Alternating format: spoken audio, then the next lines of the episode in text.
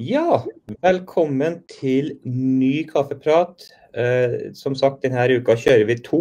Det er påske neste uke, så da føler jeg at vi alle skal få lov til å ta oss litt fri.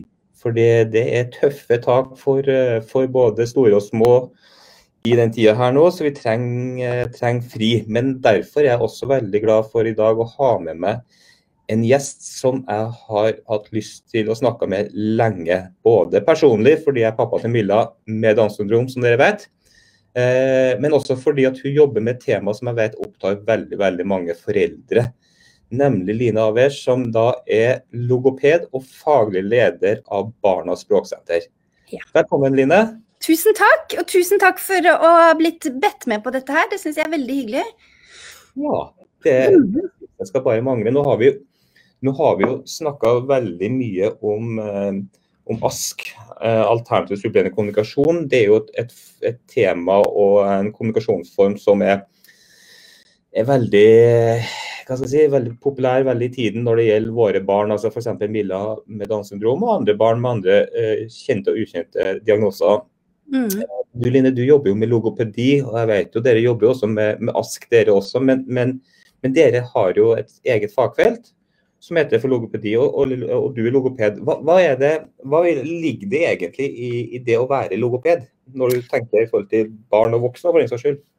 Altså Det å være logoped, det er eh, litt som å være fastlege. Vi lærer om mange ulike Er det ekko?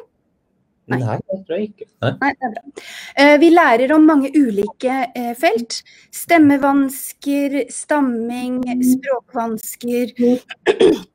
Og så er det jo sånn at uh, veldig mange av oss spesialiserer oss innenfor noen felt. Mm. Og så har eh, jeg og mine, mitt team unnskyld, spesialisert oss eh, innenfor eh, da det å skulle hjelpe barn med store og, store og små kommunikasjonsvansker. Og spisevansker, munnmotoriske vansker. Vi jobber også mye med, med ASK. Mm. Og vi har et motto hos oss som jeg er veldig glad i. Og det er at alle barn har uh, et hode og en munn, og vi må ta vare på begge deler. Ja. Spennende. Og da sier du at dere har på en måte spesialisert dere mot barn, fordi logopedi brukes jo uavhengig av om alder, eh, tenker jeg. Logopeder er jo aktuelle fra null 0 til 100. Ja.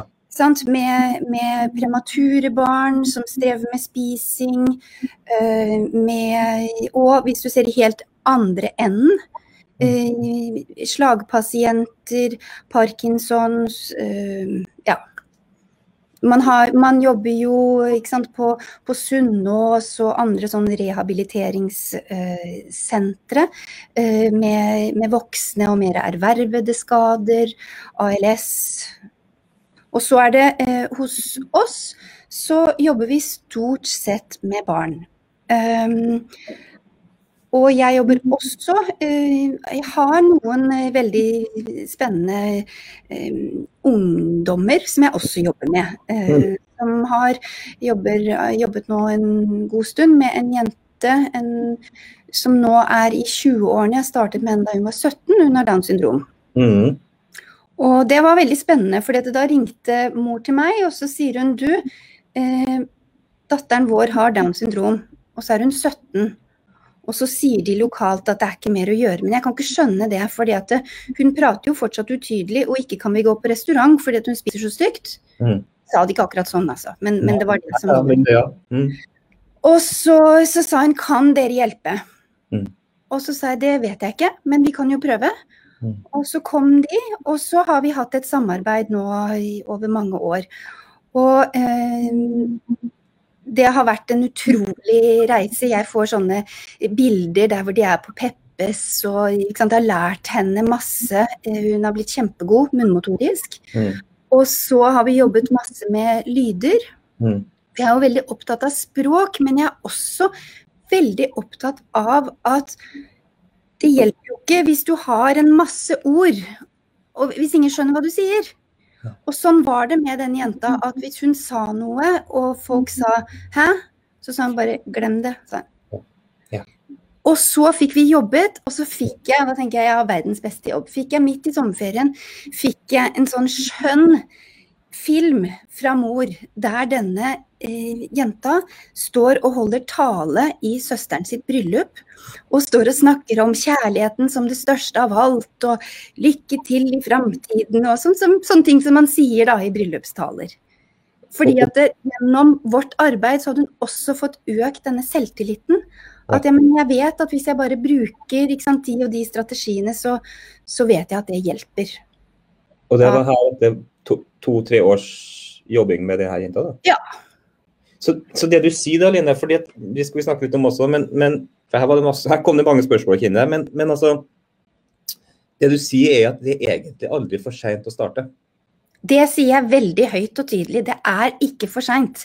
Vi har jo laget en film om akkurat det. eh, Ja. Som, eh, som er på YouTube og som, eh, som vi har på nettsiden vår og sånn. At det er aldri for seint. Fordi at det, tale eh, Språk er noe annet, men tale er motorikk. Og det er spising også. Spising og snakking er motorikk. Da er det muskler som skal bevege seg, og det er eh, øvelser eh, som gjør at vi skal bruke Vi skal ikke ha tunga ut når vi skal eh, suge på sugerør, eller vi skal ha spise fra en skje, eller hva det nå enn er. Og de tingene som på en måte kan virke veldig sånn det, detaljerte, på en måte. Ja, men er det så farlig? Jo, det er farlig, fordi at de mønstrene ser vi igjen da i snakking. Mm. Sånn. Jeg vil at alle barna skal ha munnen lukket. Mm. Skal ikke ha Nei. den. Nei.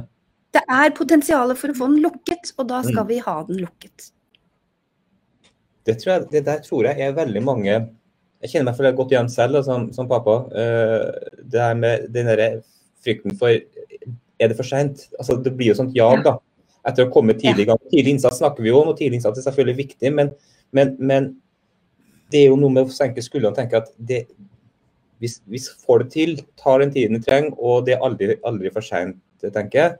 Men det krever kompetanse av de som på en måte skal ta tak i det. da.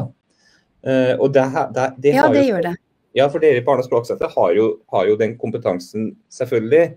Uh, og da lurer jeg på uh, Barne- og språksenteret er jo et privat foretak, sant? Hvis jeg husker riktig? Men det Eh. er ingen som, det er ingen som betaler hos oss. Nei, men, men, men det, dere er jo, dere er jo. Alle barna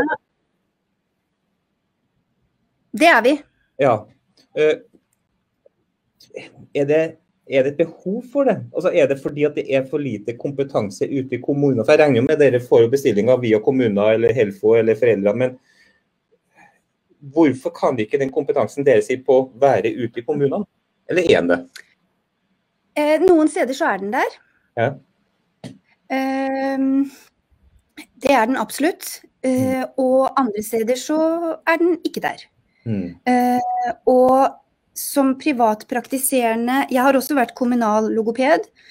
Eh, og hvis jeg skal snakke med veldig sånn store ord, for det er ikke sånn overalt, men, men sånn som det var i min jobb da jeg eh, var kommunal logoped, Mm. så skal jeg dekke et veldig stort område på mine stakkars fem dager.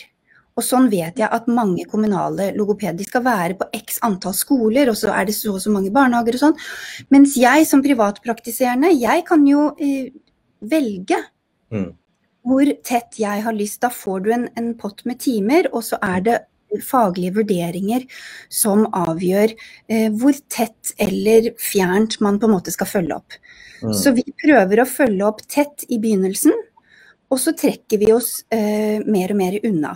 For det som er viktig, er jo ikke det jeg kommer og gjør hver onsdag klokka to. Det som er viktig, er jo at vi, vi er med på å få opp eh, miljøet rundt barnet, de som skal gjøre det hver eneste dag. Og foreldre, selvfølgelig. Ja, og da er du jo egentlig inne på et par ting her som jeg, jeg syns er litt essensielt. da, fordi du sier det at når du jobber i kommunene, som kommunelogoped f.eks., så skal du rekke over veldig mange, og du skal være på mange skoler, barnehager etc. sant? Uh, er det er det nok fokus på logopedi i norske kommuner mot barn i barnehager og barneskoler og skoler? Uh, jobbes, det, jobbes det godt nok? Um, det kommer helt an på barnets utfordringer. Jeg tenker at mange barn får sine behov ivaretatt av den kommunale logopeden. Kjenner mange som er kjempefornøyd med det. Mm. Og så er det sånn at eh, f.eks. barn med Downs syndrom eller barn med cerebral parese eh, er komplekse veldig ofte. Mm. Det er spisevansker, og så er det kanskje medisinske ting, og så er det hørselstap, og så kanskje er det eh, noe autisme inne i bildet. Det blir veldig komplekst. Mm. Eh, og det er jo derfor man da også kan uh, søke Helfo. Uh, fordi at eh, da kan vi søke etter eh, fagpersoner med spesifikk kompetanse eh, innenfor de områdene. Så um... Men, men hva gjør du da hvis du er i en kommune? Nå holder du det til på, til på Østlandet. Ja. Eh, Hva gjør du da hvis du f.eks. er foreldre til et barn med f.eks. Downs syndrom i Trøndelag, eller i Tromsø, eller i Bergen, eller utenfor Bergen, og så føler du at her er det altså Du får bare et spørsmålstegn når du spør om bør ikke mitt barn kunne få logoped, for det tenker jeg det er nok mange som opplever. mm. Hva gjør de da? Um, jeg må jo også si uh, at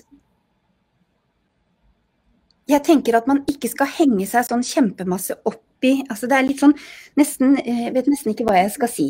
Fordi at eh, som sagt så, så er logopeder ofte som fastleger. Mm. Og har jeg eh, Det å få en logoped inn i teamet betyr ikke nødvendigvis at den logopeden eh, har spisskompetanse innenfor det barnet ditt trenger. Ja. Kanskje er spesialpedagogen eh, enda bedre rusta, på en måte. Mm.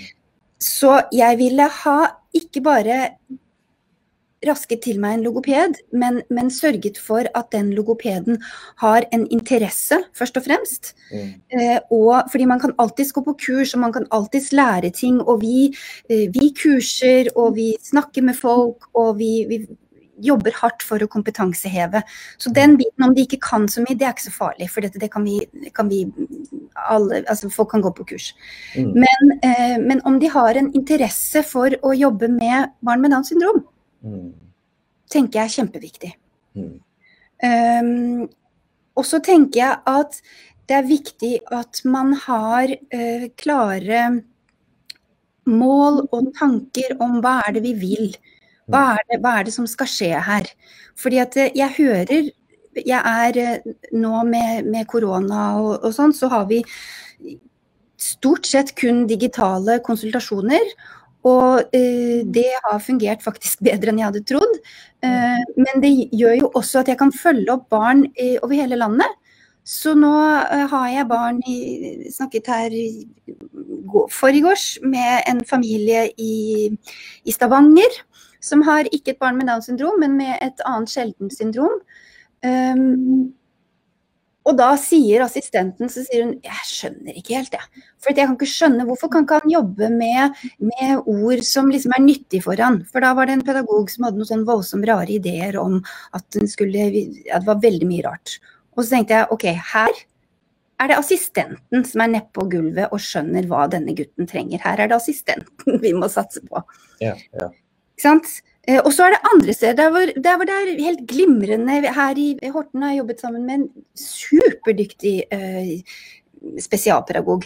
Som jeg vet at når jeg kommer inn i en sak med henne, så kan jeg nesten bare legge meg tilbake, liksom. Fordi at hun har full oversikt og fører skjemaer og dokumenterer.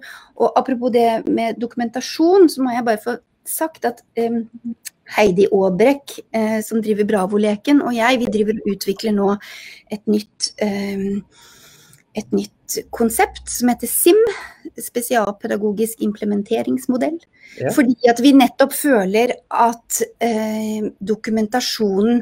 It takes a village, har vi liksom tenkt at for at det, alt skal bli bra, så må alle parter gjøre sitt. Og vi har skjemaer som jeg fyller ut, og som eh, folk får med seg. Jeg har et her. Som? Med ulike områder og mandag, tirsdag, onsdag og sånn. Og så sier jeg ja, har dere gjort Har dere jobbet? Ja, sier far.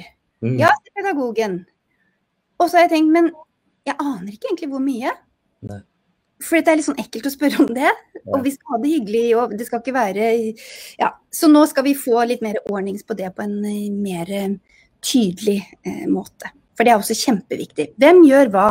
Ja. Så det er litt sånn strukturering da, eh, og, og systematisering. Og så tenker jeg som du sier, eh, det går vel egentlig på å starte med en god kartlegging av barnet. Ja. Hvor står det? Altså, vi snakker jo ofte om kartlegging i forhold til ask, altså i forhold til hvilken ask skal du bruke. Er det symbol, er det tegn, er det, hva er det? ikke sant? Mm. Eh, for, for å på en måte kunne finne de beste hjelpemidlene eh, for det her barnet. Men det gjelder jo egentlig samme for dere. Det går jo på å kartlegge hvor er utfordringen barnet Hvor skal vi starte? Hvor skal vi starte? Ja. Og det er ikke alltid så lett å vite, for det er mye med disse barna. Mm.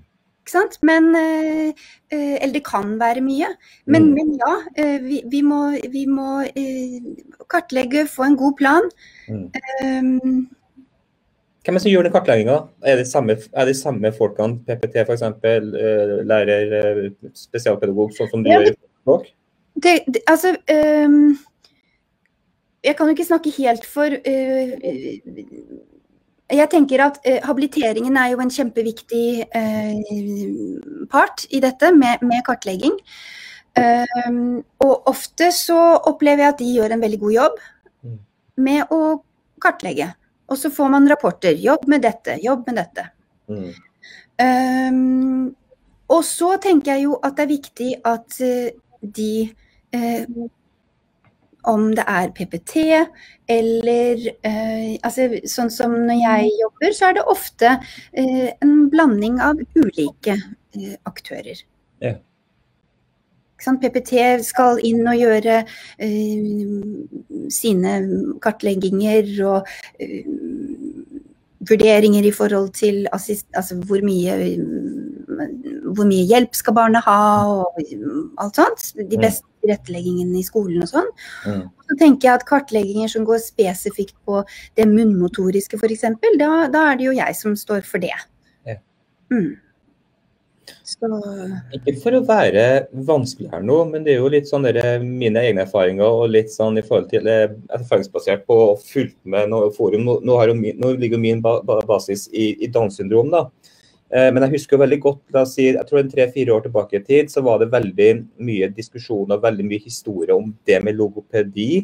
Eh, Det var veldig mange som delte sine erfaringer med logopeder rundt omkring i Norge med sine barn med Downs syndrom. og så var Det jo som, det er derfor jeg var inne på det her med hvordan er det i Kommune-Norge. sant? Fordi at Så hadde du da de f.eks. i Bergen og rundt omkring som, som, som satt der og som spørsmålstegn og sa hvor skal vi starte, hvor, hvem hjelper oss? Vi får høre at, uh, at det, det, det, det er ikke logopeder i kommunen.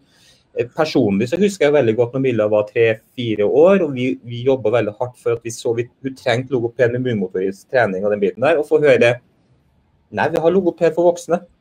Men Ja. vi har ingen logopeder for barn, så klarer dere selv Og, og det var Mm. PPT. Og det er der, altså derfor stiller jeg spørsmålet. Ikke sant? Hvem skal gjøre den kartlegginga? For hvis, det er jo litt bukken og havrekken her. ikke sant? Altså Hvis PPT mener at vi har ikke kompetanse, vi har ikke troa, hvis det er noen som sitter her, da, så får ikke barnet den, så får ikke barnet den, den, denne kartlegginga. Burde ikke være en ekstern instans som det kommer inn og gjør den kartlegginga, som har en bred kompetansefelt, ikke nødvendigvis spesifikt, men bred kompetansefelt? Jo, og, og jeg opplever jo at ehm, når vi får henvisninger ikke sant, Et barn eh, blir henvist til um, PPT f.eks. Så opplever jeg jo at vi kan få eh, viderehenvist det barnet, fordi at PPT sier vet du hva, dette her har ikke vi noe å bidra med, eller dette har ikke vi De føler at dette ikke hva skal jeg si, at dette, dette er det andre som, som jobber mer med enn oss. Mm. Og eh, da tenker jeg da blir det jo vår oppgave Mm. å skulle gjøre det. Eller altså den, ikke nødvendigvis Barnas språksenter, men altså den privatpraktiserende eh, logopeden, da. Mm. Mm. Så, men jeg, jeg, skjønner at det føles eh, fortvilende um, å skulle høre om flotte og fine tiltak og resultater og alt sånt og så er man, bor man på et sted der hvor man sier at nei, eh, logopeden kommer inn i andre klasse når man skal jobbe med R&S-er eller um, Eller vi har noen som jobber med de eldste, på en måte. Altså de gamle. Um, og vi har jo vært en, en stemme i det å skulle få miljøet, Helfo og våre samarbeidspartnere til å skjønne at vi har noe å bidra med helt med en eneste gang. Mm. Jeg hadde jo i starten, nå har Barnas språksenter snart, til neste år så har vi tiårsjubileum, mm. men um, i starten så var det jo sånn at jeg husker jeg snakket med Helfo, og så sier de du, vi har fått inn en søknad her, men det er en, en liten jente med Downs syndrom, hun er jo bare seks måneder, så den avslår jeg jo. Og så sier jeg men du må ikke det. Vi, vi må jobbe her. Ja, men dere skal jo ikke jobbe med, med ord og sånn. Nei, skal ikke jobbe med noe R og S-er. Men vi skal, vi skal jobbe med, med spising. Mm. Og kommunikasjon og tidlig Ja, alt det der. Mm. Så ser du, ser du, en endring her, Line? For, som du sier, altså, det er jo ti år siden det starta, men har du sett en endring i forhold til holdninger og fokus? Ja, det har jeg absolutt. Jeg har sett eh, Det er mulig at jeg, jeg ser jo selvfølgelig verden med mine briller, men, men jeg syns at, eh, at, jeg absolutt ser, ser en endring. Mm. Og at eh, logopeder føler seg mer trygge på å skulle starte tidligere. Man vet liksom mer. Altså hadde ikke jeg tatt ekstra kurs og vært på konferanser i utlandet og gjort alle de greiene som jeg har holdt på med, så hadde jeg heller ikke hatt så veldig mye å bidra med, med hva skal jeg med dette, denne lille babyen her? Jeg, oh, jeg, vet ikke hva jeg skal gjøre, liksom. Mm. Men, men så, så, er det mange, og ikke bare oss, som, som, da har tatt kurs og holder seg faglig oppdatert og vet at får du et barn som er seks måneder, så er det masse vi kan gjøre. Ja, sant. Mm. Og du sa jo litt om det i forhold til at du, altså, logopedi kan gjøres på de som er fra 0 til 86, ikke sant. Altså, mm igjen da må jeg bruke min egen referanse, men altså en av argumentene om Milla var tre år, var jo det at vi fikk vite at det er, det er forskning som viser at barn med Downs syndrom eh, de har ikke nytte av logoped. Men da skjønner man ikke hva en logoped driver med. Nei. Det er tull, det er det dummeste jeg har hørt. Men vi er dessverre ikke eneste, ikke sant. Og, og, da tenker jeg, hva kan du si til de foreldrene som nå har barn fra null til la oss si tre-fire år, da? Hvordan ville dere ha på en måte jobba med et barn på null år. Hva er viktig, da, tenker du, sånn, fra et logopedperspektiv, når barnet med Downs syndrom f.eks. er null år? Ja, øh, jeg må jo si at mine amerikanske kollegaer er enda mer øh, revolusjonære enn det vi er. Mhm. Der er, det, øh, der er, det, helt vanlig at en logoped kommer på sykehuset og setter i gang. Mhm. Det gjør ikke vi. Det yngste jeg har jobbet med er et barn som var seks uker. Og det tenker jeg jo sånn og de er kjempesmå. Ja. Um, så, men det som vi er opptatt av, er at man skal jobbe med uh, altså Om det er amming, så skal vi ha riktig ammestilling og sånn. Mm. Uh, sittestilling. Vi skal jobbe med kjeveøvelser. Det skal vi gjøre helt fra med en eneste gang. Mm. Um, og, eh, og, jeg opplever at når vi starter veldig tidlig, så opplever jeg at foreldre liksom jeg er alltid litt sånn var fordi at man er hjemme i permisjon og man har fått Kanskje man ikke visste at barnet Plutselig ble det født et barn med Downs syndrom. Noen vet det på forhånd, noen vet det ikke. Mm. Eh, så det er en følelsesmessig stor uh, omveltning. Uh, og førstegangsforeldre, det er mye som skjer. Um, men mange sier at ja, men du Jeg husker en mor sa til meg en gang eh, ja, så kan vi gjøre et visst antall skjeer ved at du holder slik og sånn. Mm. Og så sier hun du Linn, det er bare å si at jeg skal gjøre det, for jeg må jo mate henne uansett. Så hvis jeg mater henne sånn eller sånn, hvis mm. du syns det er bedre at jeg holder skjeen på den måten, så gjør vi det. Mm. OK, greit. Da gjør vi det. Nettopp. Fordi at jeg er opptatt av at eh, ernæring er det aller, aller viktigste. Mm. Alltid. Um, om det er på en flaske eller om det er munnmotorisk helt ræva, så er ernæring det viktigste. Ja.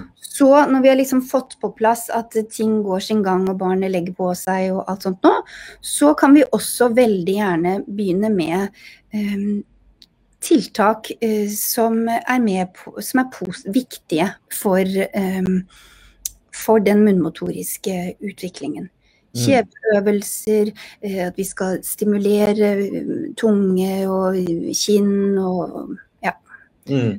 Så, så, mye som går på spising, men som vi da mener også legger et grunnlag for, eh, for snakking senere. Fordi at vi har bare ett sett med muskler. Mm. Og de brukes forskjellig når vi spiser og når vi snakker. Men, men, det er de samme musklene. Så mm. da tenker vi, og dette er omdiskutert og debattert og alt mulig, eh, men vi tenker jo, og mange med oss, eh, at eh, jobber vi med spising og, og trening der, så, så, vil det være positivt for lydutviklingen også. Nettopp. Og det er sånn som du kan holde ved like og, og, og jobbe med hele tida, egentlig, så lenge barnet måtte respondere på det. Ja, og da sier jeg sant, til foreldre at jeg vil at dere skal jobbe med kjeveøvelser eh, hver gang dere skifter bleie. Mm. Etter at den bæsjebleien er borte, så, mm. så, ligger de på stellebordet og man har den der fine kommunikasjonsstunden. Mm. Og da kan barnet også sant, få en finger i munnen, og så skal de tygge litt opp og ned. Mm. Har, det er ikke noe skriking, ingen har noe Det er veldig lett egentlig å jobbe ja. med de minste. Mye verre med en trassig to-, tre-, fireåring. Ja. Mm. Ja, og den kjenner jeg jo igjen. For vi begynte jo når Milla var tre-fire og skulle begynne med de motoriske verktøyene. og det, det er jo der jeg er litt sånn igjen, da, fordi det var jo, det ble jo en kamp. ikke sant? Eh, ja. Det ble jo ikke den kosen, det ble jo ikke den eh, fordi, Det ble bare en sånn nå må vi bare få gjort det, fordi det er så viktig. Ja. Og det er jo eh, Det derre prøver jeg veldig. Eh, og når jeg er i saker der hvor det er en utfordring, så, prøver jeg veldig å, å samarbeide med foreldre og, og de rundt. Mm. At vi prøver å finne Kanskje vi ikke skal ha alle de fem øvelsene, kanskje vi bare i en periode nå skal ha tre. Mm. Og kanskje bamsen Jeg jobber med en familie der hvor far er utrolig flink mm. til eh, Vi jobber på nett. Og eh, de har med seg kosedyr, eh, og da er det sånn at først så skal eh, den, eh, pandaen få tygge litt, og så skal far tygge litt, og så skal Anna tygge, og så kan han tygge. Og da gjør han det. Mm. Da er han blid og gjør det. Men skulle vi bare gjort dette? No way. Sånn, vi må leke, eh, og så må vi også prøve å gjøre det eh, og bli ferdig. At det ikke drar ut i tid. Ja, at vi skal ikke holde på sånn i det uendelige. Det, derfor så er jeg litt sånn gira på det her eh, SIM-opplegget til Heidi og, og, jeg. fordi at det, jeg vil ikke at foreldre skal gå rundt sånn som du sier. ikke sant, At åh, det var et herk, og vi visste at vi burde gjøre det, og så fikk vi ikke gjort det i dag. og så. At man skal gå rundt og tenke på det hele tiden. Nei, vi skal gjøre det, og så skal vi dokumentere. Så da vet vi at vi har gjort det. Fordi jeg har, har tre barn, ingen av de trenger noe spesiell oppfølging. Jeg syns det er kjempeslitsomt. Jeg glemmer hva jeg har gjort, og gjorde jeg det i går? Når var det han sist bada? Jeg husker ikke helt, jeg. Ja. Da, da, har vi dokumentert det, og da vet vi det. Når er det, du, når er det dere ser, tenker er riktig å begynne å jobbe med det som vi foreldre er så opptatt av, da, med barn med Downs syndrom? Jobbe med ord, uttale, eh, altså tale. Mm. Jeg tenker at det kan man egentlig begynne med ganske tidlig. Mm. Eh, og så er det viktig at vi, at vi, gjør det lekbasert, at det ikke er trening. Eh, at ikke barnet opplever at de sitter på en, en eh, eksamen og Si det, si det, si det. Ikke mm. sånn. Eh, mitt tips ofte eh, er istedenfor å å be barnet om å si ting hele tiden, så er det bedre at vi voksne snakker. Og så, gi, og så har vi en pause, at vi leser en bok f.eks. Og så Å ja, se der, der var det jo en Og så håper vi at de skal si båt. Mm. Hvis de ikke sier båt, så sier vi det.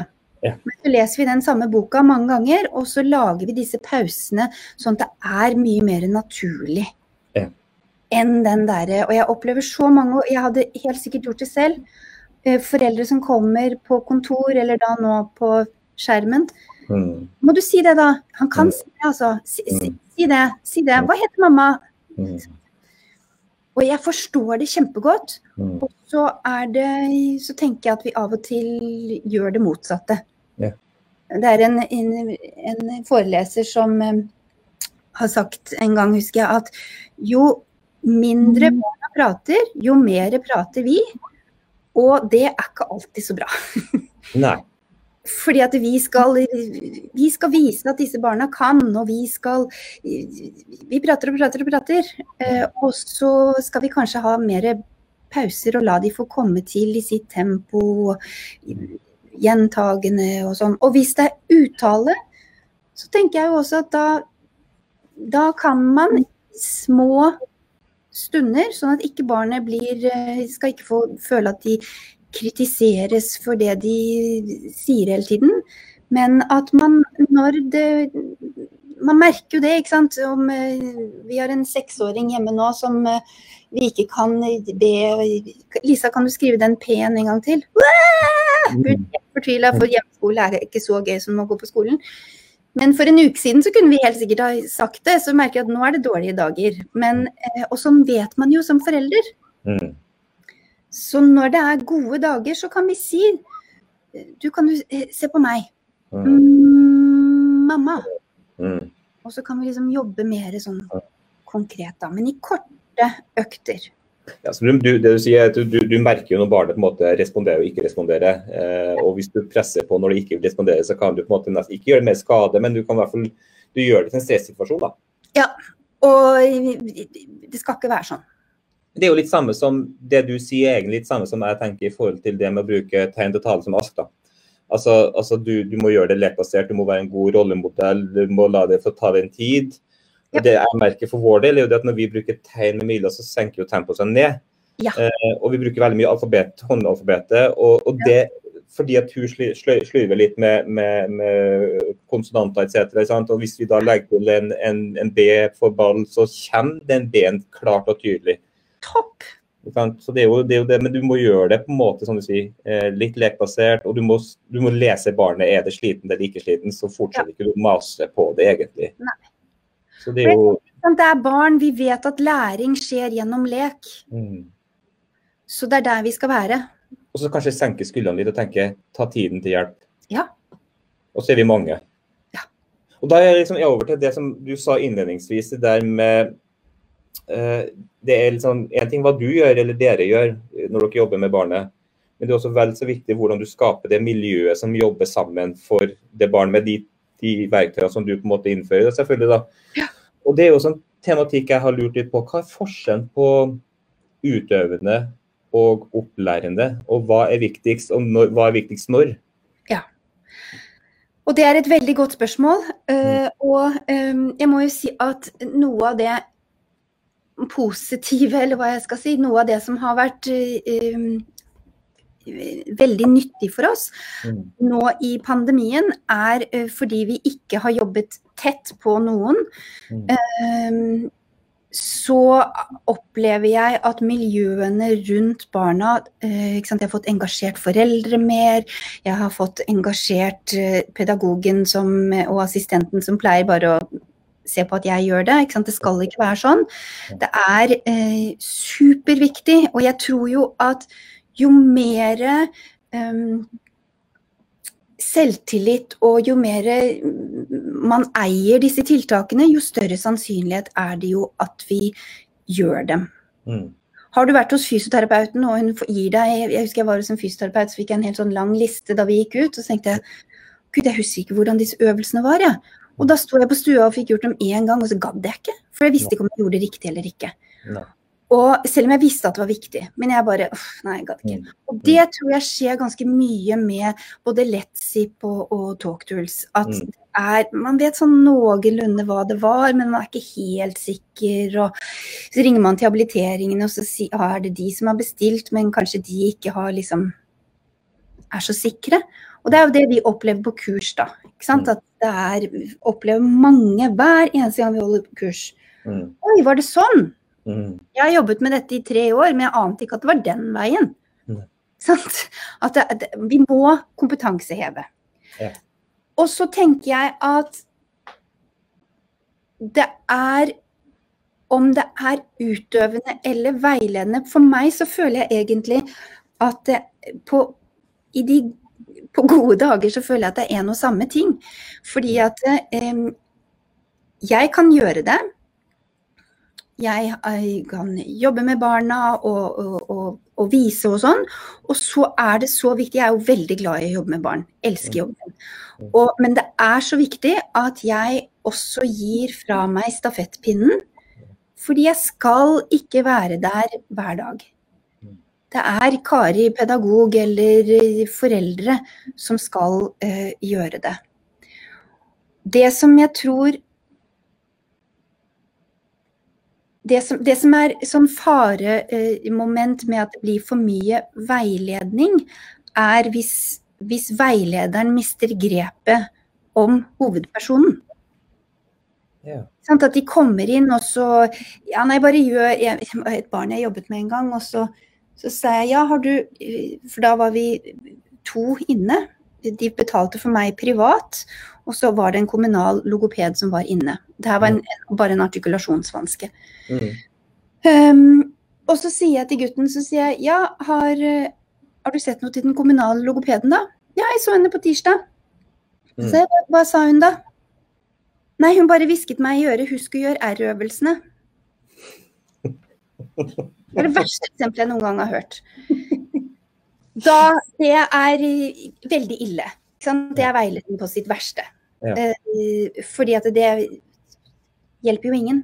Nei. Og da, fikk de, da kom jeg inn på en måte utøvende, og så hadde vi løst den floken på bare noen få ganger. For han var jo superklar. Mm. Det er ikke noe vanskelig å lære et barn å si R hvis de er kjempeklare for det selv. Nei. Og motorikken er på plass og alt sånt. Vips, så går det ofte ganske greit. Ja. Så jeg opplever at jeg vil gjerne være utøvende eh, på en måte først. Mm. Og så er det jo familier som jeg har kontakt med, sånn som hun jenta som snakket i bryllupet. De treffer jeg nå kanskje én gang i året. Ja. Ikke sant? Jeg traff dem ganske mye i starten. Mm. De bor langt unna meg, men de dro til meg. Og så traff hverandre noen ganger um, Eller mye og mye. Men vi traff hverandre ganske jevnlig, da. Og så, så går ting sin gang. Og så, og så er det jo også sånn at vi skal ikke holde på med munnmotoriske øvelser herfra og til evigheten. Nei. Med talktur så blir vi ferdig. Vi blir ferdig med noen sant, tyggetuber. Da har du et kriterium på ti tygg, og så får du til det, og så sånn. Mm. Og så kan vi mer jobbe med vedlikeholdsøvelser som å tygge tyggis og suge på sugerør. og Sånn. Men, så det du sier da, at kanskje det beste er f.eks. med deres tilfelle at dere går inn og er utøvende med miljøet, da kanskje primært de som jobber med barn, altså assistent, spesialpedagog i barnehage eller skole, Mm. sammen, men med barna, sant? Det, Ja. det er primært med barn og har fokus på, for det har vært borti at de jobber med veiledende, men ikke barnet til stede. Ja, Og eh, jeg tror det er kjempeviktig at det er med barnet. Mm. Og så er det noen ganger at disse Eller og så er det også selvsagt viktig eh, med møter eh, der hvor eh, de voksne får tid til å prate. For det er jo Når barnet er der, Mm. så må vi jobbe med det barnet. De blir Ja. jo kjempelei av sånn voksenprat. Mm. Så hvis jeg føler at miljøet trenger ehm, hva, altså kompetanseheving på hva er det vi egentlig driver med, og hvorfor gjør vi det, og hva skal vi gjøre nå, men han har begynt å skrike når vi gjør sånn, eller? Så at vi trenger den der tiden til å prate, så, så, så blir jo den eh, samtalen viktig uten ja. Ja. Mm, men jeg, det er der jeg mener at, at eh, veiledning eh, på sitt verste, eller hva jeg skal si, Ja, det er jo hvis, hvis hovedpersonen, hovedaktøren, liksom ikke det jo, Vi må jo kjenne godt disse barna vi skal veilede. Ja. Eller vi skal ikke veilede barna, vi skal veilede de rundt, men vi må Ja. kjenne godt uh, Ja. eh, hovedpersonen. Du må jo vite hva du skal veilede på. Ikke sant? det tenker jeg er viktig. Det er bare et spørsmål, litt sånn frekt og fredelig spørsmål i meg igjen, så jeg sier dere er jo på Østlandet. Med kjempekompetanse. Og jeg vet at det er veldig mye foreldre som skulle ønske at de bor på Østlandet, veldig mye pga. deres kompetanse. ikke sant? Oi, oi. Ja, jo, men det er sånn. Og, og, og selv om det er mye flinke folk rundt der, men, men, dere har vært tydelige. Dere har jo vært en tydelig stemme og en, og en tydelig aktør på å sette fokus på logopedi på barn med, med, med talevansker, og bl.a. kanskje da Downs syndrom, som, som, jeg kjenner godt til. Mm. Men ta situasjonen vi er nå med covid. sant? Der dere har erfart det med å jobbe kanskje enda mer digitalt, det har vi jo alle nå etter hvert gjort.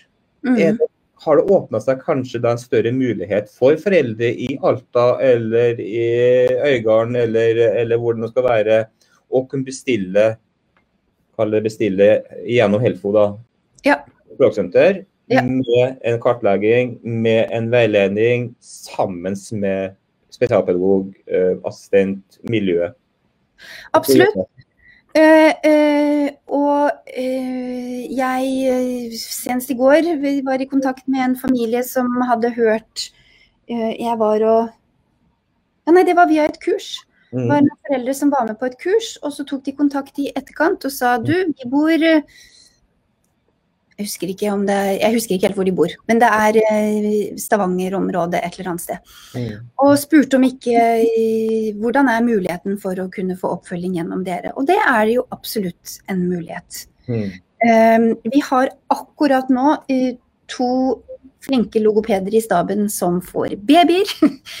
Så vi har liksom litt sånn bemann... Uh, ned, men, men uh, men ja, det er, det er, en Vi har ikke kapasitet til å ta imot kjempemasse over hele landet. Jeg skulle ønske vi var dobbelt så mange.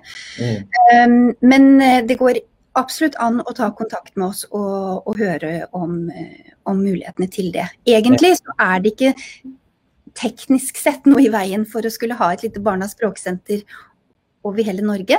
Nei. Men eh, det bare krever eh, jobb å skulle få satt i gang det, egentlig. Så det er en tanke som, som vi har flere hos oss på en måte lekt med at Men, men det er noe med at um, ja, alt skal følges opp. Ja, alt skal jo følges opp. Uh, men jeg bare tenker for jeg, jeg, tror jo det at det er veldig viktig som du sier, å skape kompetanseheving uh, der ute. Ja. Eh, og, og, sånn som dere jobber, og har kanskje jobbet nå eh, i den ekstreme situasjonen, så ser dere at det er faktisk en vei og mulighet å, å kunne få heve den kompetansen med caser, da, jeg kaller den caser, eh, rundt omkring i Norge. Og fordi at det skulle jo gjerne vært et barnas språksenter kanskje i hver region. Hvorfor er det ikke det, forresten? wow. Uh, nei, altså det Det er jeg sier jo eh, sant, at jeg er faglig leder, og jeg er også egentlig daglig leder, men jeg tror jeg er en ganske dårlig daglig leder.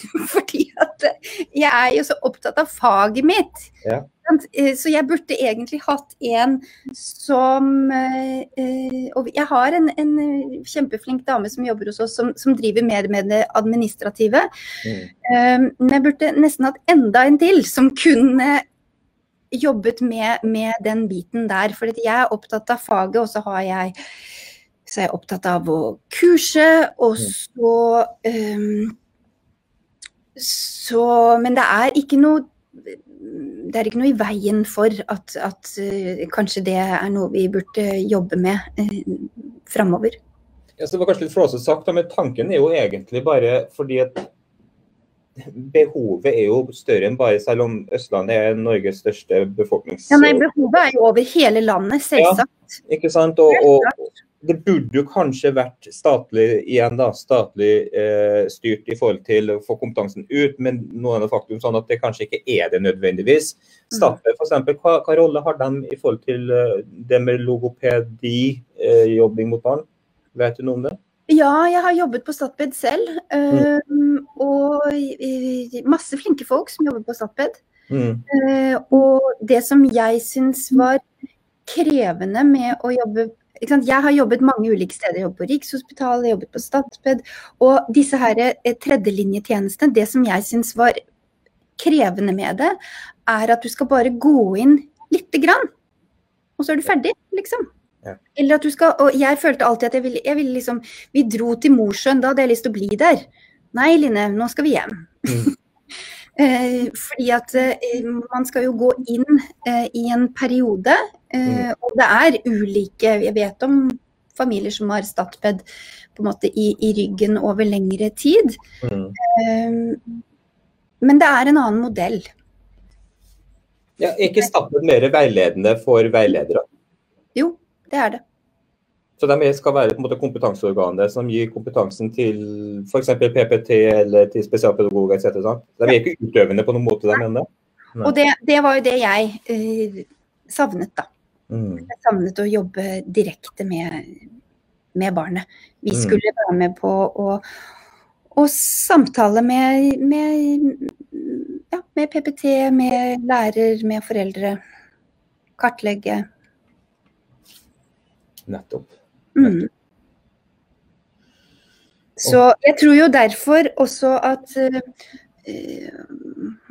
at vi på en måte har blitt populære, eller hva jeg skal si, er jo det der at vi, at vi har satt litt på agendaen den um, betydningen av å skulle jobbe systematisk over tid. Ja. Jobbe direkte. Mm. Jobbe med barnet, få med foreldre. Mm. Uh, ikke drive med noe hemmelig. Um, um, Nei, jeg skjønner. Jeg, skjønner.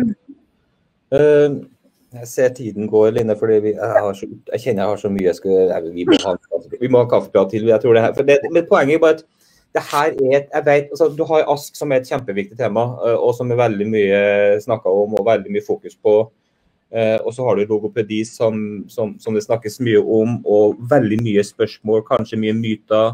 Jeg tror veldig mange sitter på, på veldig mange tanker. Og så er det ASK er på en måte nå begynt å etablere seg rundt omkring i Norge, i, i fagmiljø, i spesialpedagogisk miljø, det er opplæring på det. mm, Har du logopedi som fortsatt er kanskje litt myteomspunnet, litt sånn eh, basert på tilbake i historie og sånt? mm. Det, er, det er mye um, Det er en sånn eh, logopediens eh, dag hvert år. Og, Mm. og eh, noen av de gangene så har, har det vært har temaet vært å skulle forklare hva en logoped gjør. Mm.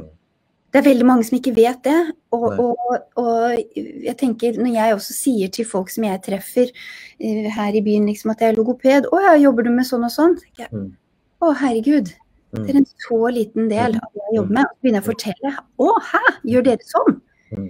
Så For man vet ikke alt vi, alt vi, alt vi gjør, da.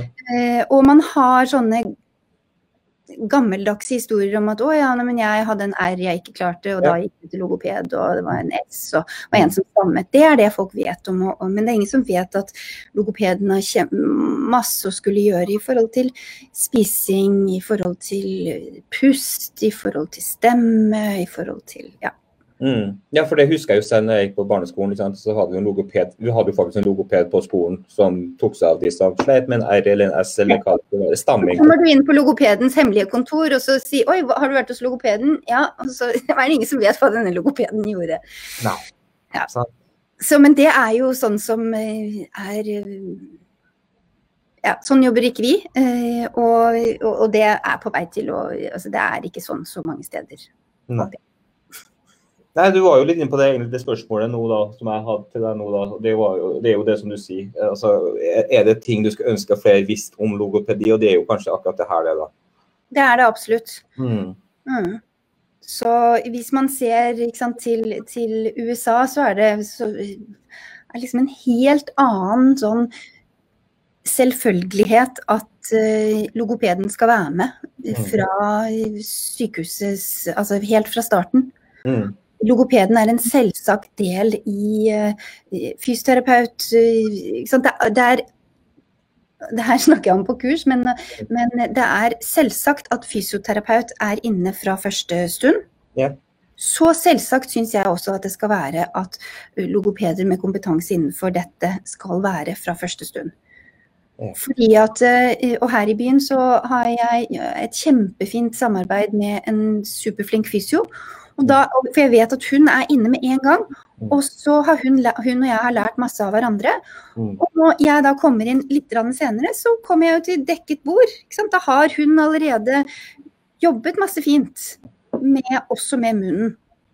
Fordi at hun vet at det er viktig. Men det er jo som du sier, eh, og det her tror jeg mange kjenner seg igjen i, når du får et barn f.eks. med Downs syndrom eller, eller annen diagnose, men så, så, så er det, lages det jo et, et ansvars, ansvarsgruppe rundt deg sant? i kommunen. Mm. Nå har du kommet et barn med Downs syndrom. Mm. Eh, Vi setter oss ned, vi samler fagressursene, og så, og så Mm. diskuterer vi og legger på en måte, sånn som du snakker om, en plan, eh, en arbeidsplan framover. En IOP eller en IP eller hva det skal være. sant? Og så Mm. er det da en, en fysioterapeut fra kommunen, og så er det en spesialpedagog, og så er det PPT, og så er foreldrene og så kanskje, kanskje noen kanskje framtidig barnehage. som mm. du var. Men det er jo aldri noe, i hvert fall som jeg vet, da, så, er det jo aldri at du hører at det dras inn noe, en logoped på det Her så gjør det det. I Horten gjør det det, ikke sant? Ja da, nei, men det er mange andre steder der hvor det Jeg vet om eh, Ikke bare hos oss, men, eh, men det der er eh, Nå kjenner jeg jo best Jeg føler meg veldig sånn Oslo-snobb, men jeg kjenner jo best eh, forholdene her på Østlandet. Jeg gjør jo det. Jeg har bodd i Bergen, eh, men det er lenge siden nå. Men, eh, men eh, jeg tenker at eh,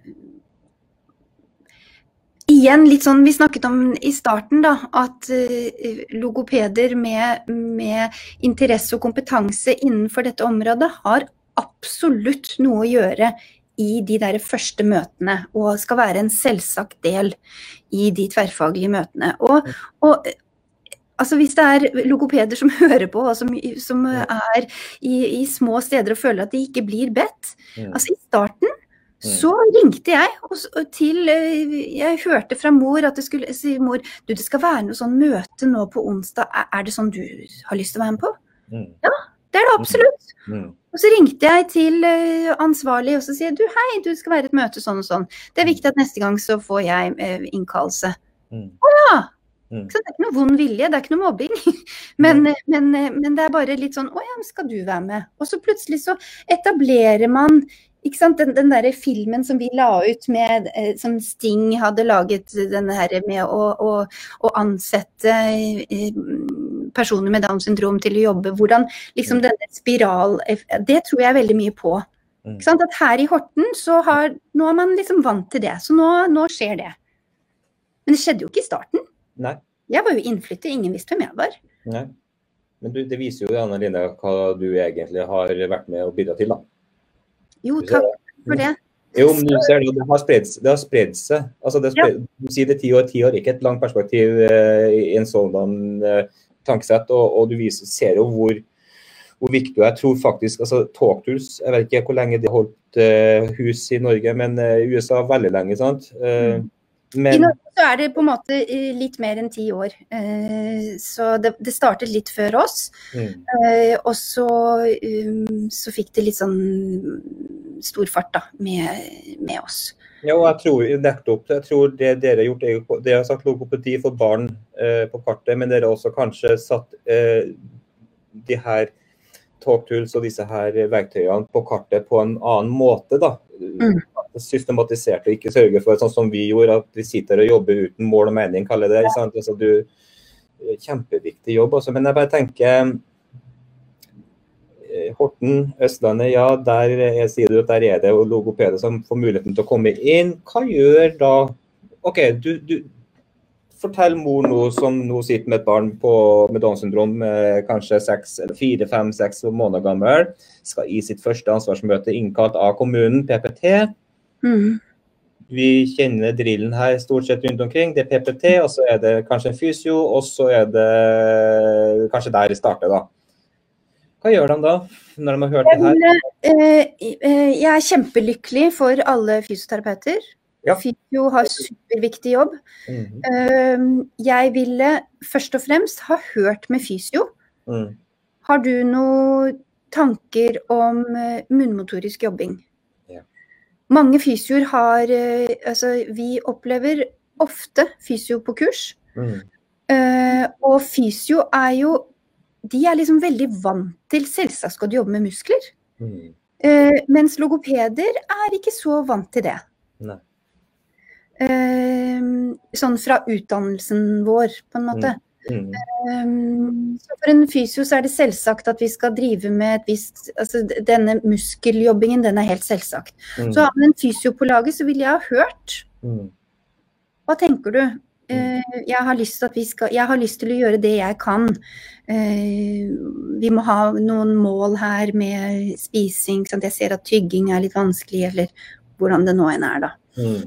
Um, og så uh, tenker jeg at jeg ville ha hørt med PPT. Er det, hvordan er det med, med logoped? Mm. Finnes det en logoped? Mm. Ja, nei, det er Anja som jobber med Parkinsons. Så tenker jeg ok, da er det ikke så sikkert at Anja trenger at vi trenger å jobbe så veldig på at hun skal komme på det møtet. Fordi at hun kanskje har et annet felt. ikke sant? At, sånn som dere fikk høre, da. Ja, ja. Mm. Um, så jeg tenker ikke at liksom toget har gått og at utviklingen kommer til å gå skeis selv om ikke en logoped sitter på det møtet. Nei. Men jeg kan stille spørsmål om, så kan jeg ta kontakt med fysioen. Så fysioen blir jo som regel alltid kontakta, for det er, jo, det er jo musklene sånn snakker om i starten uansett. Mm. Og, og eller ta den dialogen med fysioen. Ja, Det ville jeg gjort. Kanskje da tipse, hvis ikke fysioen helt er der, om dere sammen skal kontakte Barnas Språksenter. For eksempel. Mm. Nei, det er fordi, ja. Og så er da neste scenario, da. Nå er jeg litt sånn personlig i forhold til vår del, men jeg vet det er veldig veldig mange som har barn i tidlig skolealder. Mm. Som kanskje alle har hatt logopedi eller lite fokus på logopedi. De ser at her er det fortsatt noe utfordringer med kjeve, selvfølgelig. Ikke spising nødvendigvis, men munnmotorisk er det her er det et eller annet. Litt hypotom.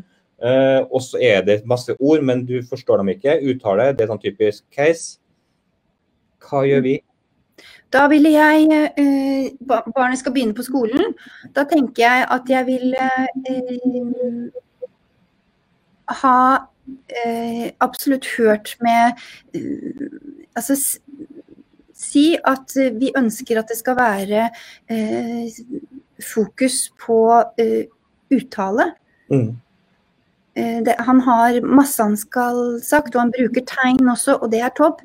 Mm. Men vi ønsker at de ordene som han har, skal bli enda tydeligere. Mm. Er det noen logoped som kan jobbe med det, f.eks.? Mm. Nettopp. Så um, Og er det ikke det, så, så uh, på Norsk Logopedlag sine sider så har de et sånt kart Mm. Uh, der man kan ta uh, kontakt med privatpraktiserende logopeder der man bor. Og så ville jeg ha spurt. Ringer du til en logoped du aldri har truffet, som som bor i Volda, Mm. Um, så jeg ha spurt. Hei, har du, noen, eh, har du noen erfaring med å jobbe med Downs syndrom?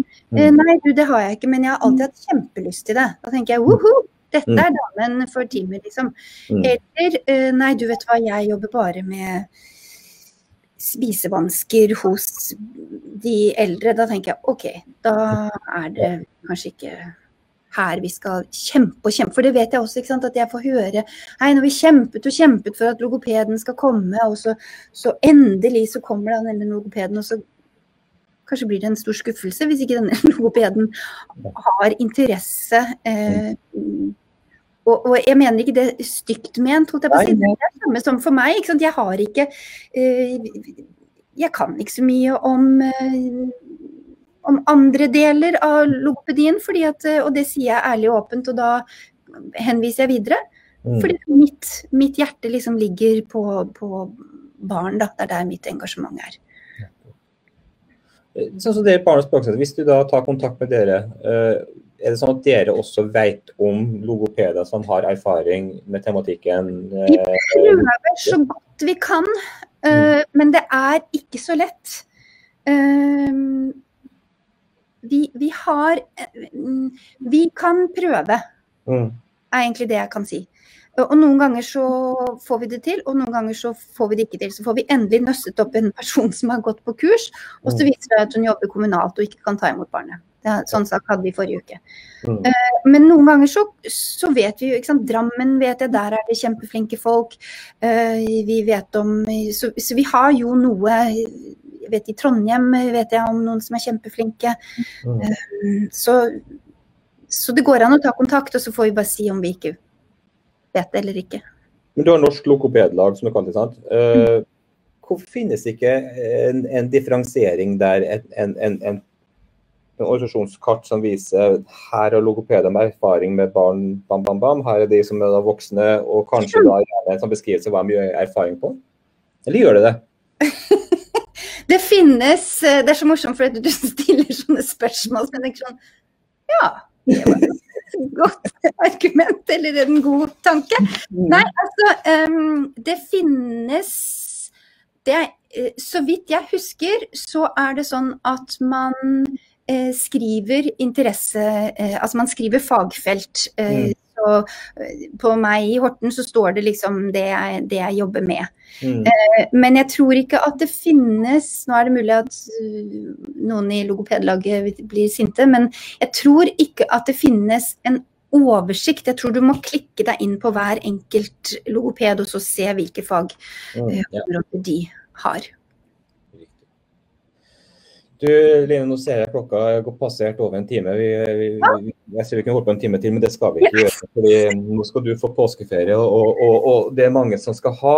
Eh, jeg vil jo egentlig bare avslutningsvis si bare at jeg syns det var veldig fint det du sa også egentlig innledningsvis, med det at eh, med denne jenta nå husker jeg ikke om du sa, sa det før vi gikk på eller etter, men, men denne jenta med, på 17 år som du begynte å jobbe med, og som på en måte du jobba med i tre år, og, og, og, og, gikk fra litt uklart uttale til å på en måte kunne holde en tale i, i sin søsters bryllup. Mm. Altså, det syns jeg er veldig fint, for jeg tror det er veldig veldig mange der ute eh, nå kan jeg snakke for de med Downs syndrom, men også andre som, som stresser veldig på at vi har så dårlig tid.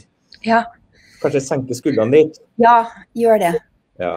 Og jeg, jeg må bare si helt sånn avslutningsvis, jeg husker kjempegodt. Det var en mor jeg skulle treffe, vært masse frem og tilbake. Når skulle jeg komme i barnehagen, sånn og sånn.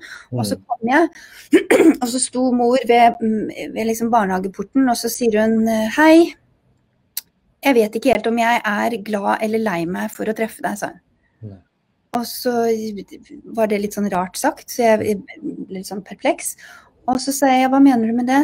Så jeg, nei, sønnen min er jo fire og et halvt. Og nå begynner vi, liksom. Og så ser jeg på alle forum og sånn at sant, det er babyer, og så er du inne og snakker om at du starter kjempetidlig og sånn. Mm. Så av og til så Jeg husker veldig godt da vi skulle lage den filmen, da. Mm. Så sier filmcrewet liksom sier, ja, så kan vi få tak i en sånn søtt lite barn. Har du noen sånne søte små, for det gjør seg så godt på film og sånn. Og så sier jeg ja, jeg har masse søte små, men jeg har ikke lyst til å ta frem de. Jeg har lyst til at vi skal eh, lage en film om eh, at det ikke er for seint. Så det gjorde vi da med, med Fanny. Eh, og, og det er jeg veldig glad for at vi gjorde. Vi ikke valgte en av disse supersøte, bitte småtassene. For det vet vi liksom nå, tenker jeg. Nå vet vi at det, det er etablert, det. Mm. Men nå så jeg eh, Hilde Sofie la ut eh, på, på den sendinga her nå, den filmen Ja. også. Den la ut på, på, på Facebook-sida til Middlesex. Men eh, jeg kjenner meg veldig godt igjen i det. For meg var det noen kilo som gikk av nå, eh, Line. Ja, men fordi-. Ja, fordi at altså, både jeg og min kone vi, vi har jo gått med den her, eh, og mange andre har gått med den her, går hele tida med den der frykten for er vi for sent ute, se på vårt barn og se på andre barn, og de her solskinnshistoriene som vi snakker om, som er veldig fin, veldig fin for de som har de erfaringene og kommet der de er. Men Mm. Vi må bare passe på at hvert barn er unikt og ulikt, og trenger den tiden de trenger for å komme hit. Og alle kan komme til mål hvis vi bare tenker Det er det målet vi på en måte ønsker, da, så lenge vi bare ikke stresser. Det er akkurat det. Og det Så ikke stress. Mm. Eh, eh, husk at Og derfor er jeg så opptatt av denne SIM-kartleggingen vår. fordi at jeg, jeg tror at mange foreldre eh, gjør masse bra hver Mm. eneste dag Mm. uten at de tenker på at dette var bra. Mm. Fordi at det blir sånn usynlig kunnskap. Det er jo bare sånn man gjør. Vi, vi gir jo barnet tid, og vi eh, lar barnet få eh, flere repetisjoner. Altså sånne ting som er kjempeviktig. Mm. Men som man liksom ikke gir seg kanskje nok sånn klapp på skulderen på at det, det gjør vi. Jeg tror vi må gi oss litt mer klapp på skulder Ja, jeg tror det, altså. Absolutt. Både som og foreldre. Alle sammen tror jeg bør være det. Så må vi være litt mer rause. Ja, vi må det. Og Mm. øh, det, det, jeg alltid, synes det alltid er litt sånn vanskelig. Ikke sant? Jeg syns jo at det er kjempestas å legge ut solskinnshistorier. Mm. Wow, se så bra det har gått, og hør på dette, og sånn. Mm. Og så er liksom baksiden av medaljen øh, at det kan skape litt stress. Ja, Det kan det. Det må vi huske, alle sammen. Vi skal dele solskinnshistorier, men vi må også tåle å, å se at hvert, hvert barn, hver person er, er, er ulik, og vi må, vi må passe oss litt der. Vi må det. Jeg tror vi, vi må avslutte nå, Line. Vi må det! Vi må det. Du, Amerikansk mann, og han sier 'do you ever shut up'? Så jeg bare bla, bla, bla, bla, bla, og det sier en amerikaner. Ja! Det er jo ikke Uff a meg. Du, Line, du må ha en uh, fin påske. Uh, slapp av og kom sterkt tilbake, så skal vi se at uh, du, du vil sikkert få my mye telefoner og mailer nå etter påska, tenker jeg, eller i løpet av påska fra fjellet Ja, nå, nå tar jeg fri, altså. Fra, Ja. fra i dag. Ja. Og så tar jeg fri hele påsken. gjør det. Det tror jeg du. Mm. Ja. Tusen takk for at du kom eller var med på kaffepraten, Line. Så Bare veldig hyggelig. Og kjempe... Ja. Ha det. OK, ha det.